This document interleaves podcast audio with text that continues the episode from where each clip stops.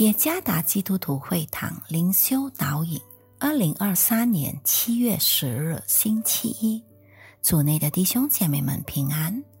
今天的灵修导引，我们将会借着圣经《约翰福音》第十章二十七到二十九节来思想今天的主题：迷失的被指引。作者苏伟地传道。约翰福音第十三二十七节：“我的羊听我的声音，我也认识他们，他们也跟着我。我又赐给他们永生，他们永不灭亡，谁也不能从我手里把他们夺去。我父把羊赐给我，他比万有都大。”谁也不能从我父手里把他们夺去。当今世界有太多引人注目的声音，这些声音都来自我们日常生活中所遇到的各种事物，可能是一则吸引人的豪华汽车销售广告词，一个含有不确定性或可能性的未来消息。一条亲戚发来的烦人短信，所有这些声音和其他声音，每天都充斥着我们的耳朵、思想和心灵。结果，也许在我们没有意识到的情况下，不知不觉在我们的心里建立了一个错误的框架，去看待这世界的真相。这可能会使我们感到困惑，甚至被误导。耶稣基督的时代也发生过类似的事情，许多人不相信他，认为他是被鬼附着，甚至他自己的家人都说他癫狂了。参看马可福音第三章。今天的灵修经文里，主耶稣在修殿节的时候。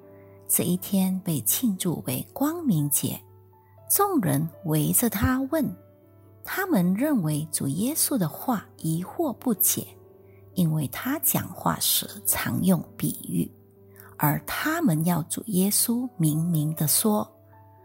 主耶稣的回答却很有意思，他说：“我的羊听我的声音。”“声音”这个词的原语是 “phones”。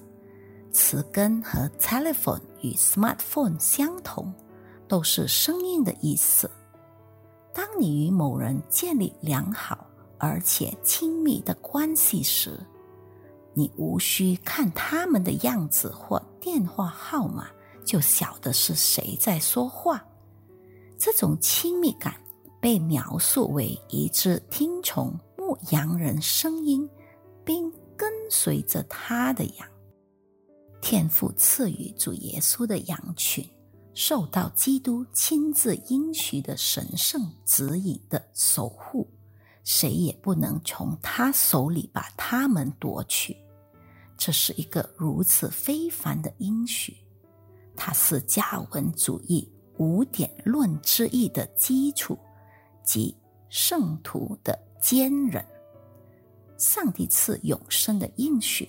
必须从基督本身的永生定义来理解，即他的子民认识父独一的真神，并认识他所差来的耶稣基督。参看约翰福音十七章第三节，这就是讲论有关于基督与他的子民之间永恒的认识和关系的应许。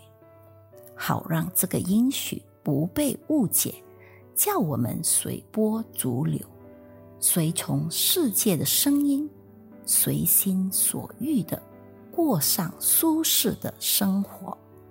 其实，这表明了我们并没有听到大牧者的声音。因此，让我们在这喧嚣的世界里，暂且静下心来祷告。并默想圣经的真理，以免我们走入歧途。圣徒将会坚守圣洁，因为上帝坚守他的恩典。查尔斯·次布真，愿上帝赐福于大家。